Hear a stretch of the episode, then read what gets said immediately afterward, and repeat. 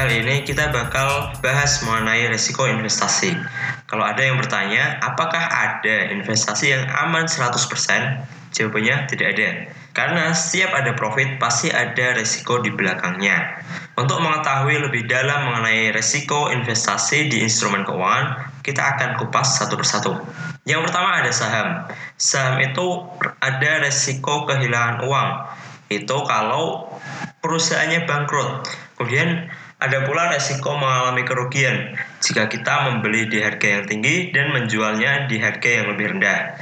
Kemudian ada pula resiko untuk tidak mendapatkan dividen karena tidak semua perusahaan mau dan mampu membagikan dividen. Kemudian instrumen yang kedua adalah obligasi. Terdapat resiko default, yaitu saat perusahaan kepayahan membayar utang. Risiko likuiditas ini terjadi ketika obligasi susah dijual di pasar karena tidak ada permintaan. Risiko maturitas semakin lama jatuh tempo, ketidakpastian akan selalu meningkat.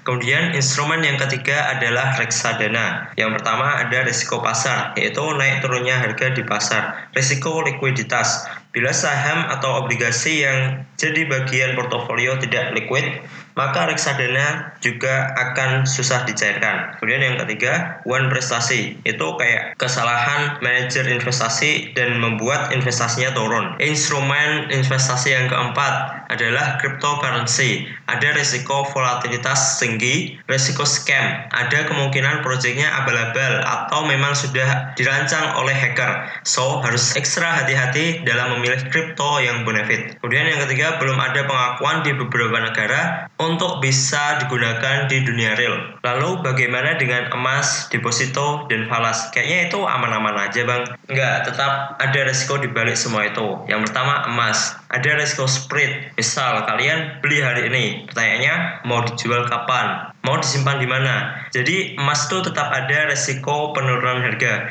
Emas itu sifatnya kayak balikan sama pertumbuhan ekonomi. Misal ekonomi lagi bagus-bagusnya nih, harga emas cenderung akan turun.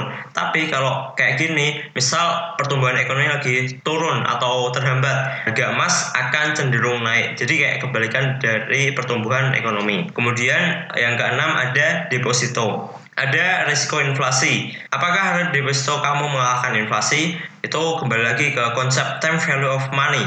Kemudian ada risiko likuiditas, kapan bisa dicairkan. Yang ketujuh, falas. Tentu falas ini ada risiko perubahan harga kurs. Jadi kesimpulannya, semua instrumen keuangan itu beresiko. Lalu gimana dong? Nah, di sini peran fungsi ilmu pengetahuan akan dunia investasi dan keuangan bisa untuk meminimalisir resiko. Gitu ya. Jadi cukup sekian episode kali ini. Terima kasih.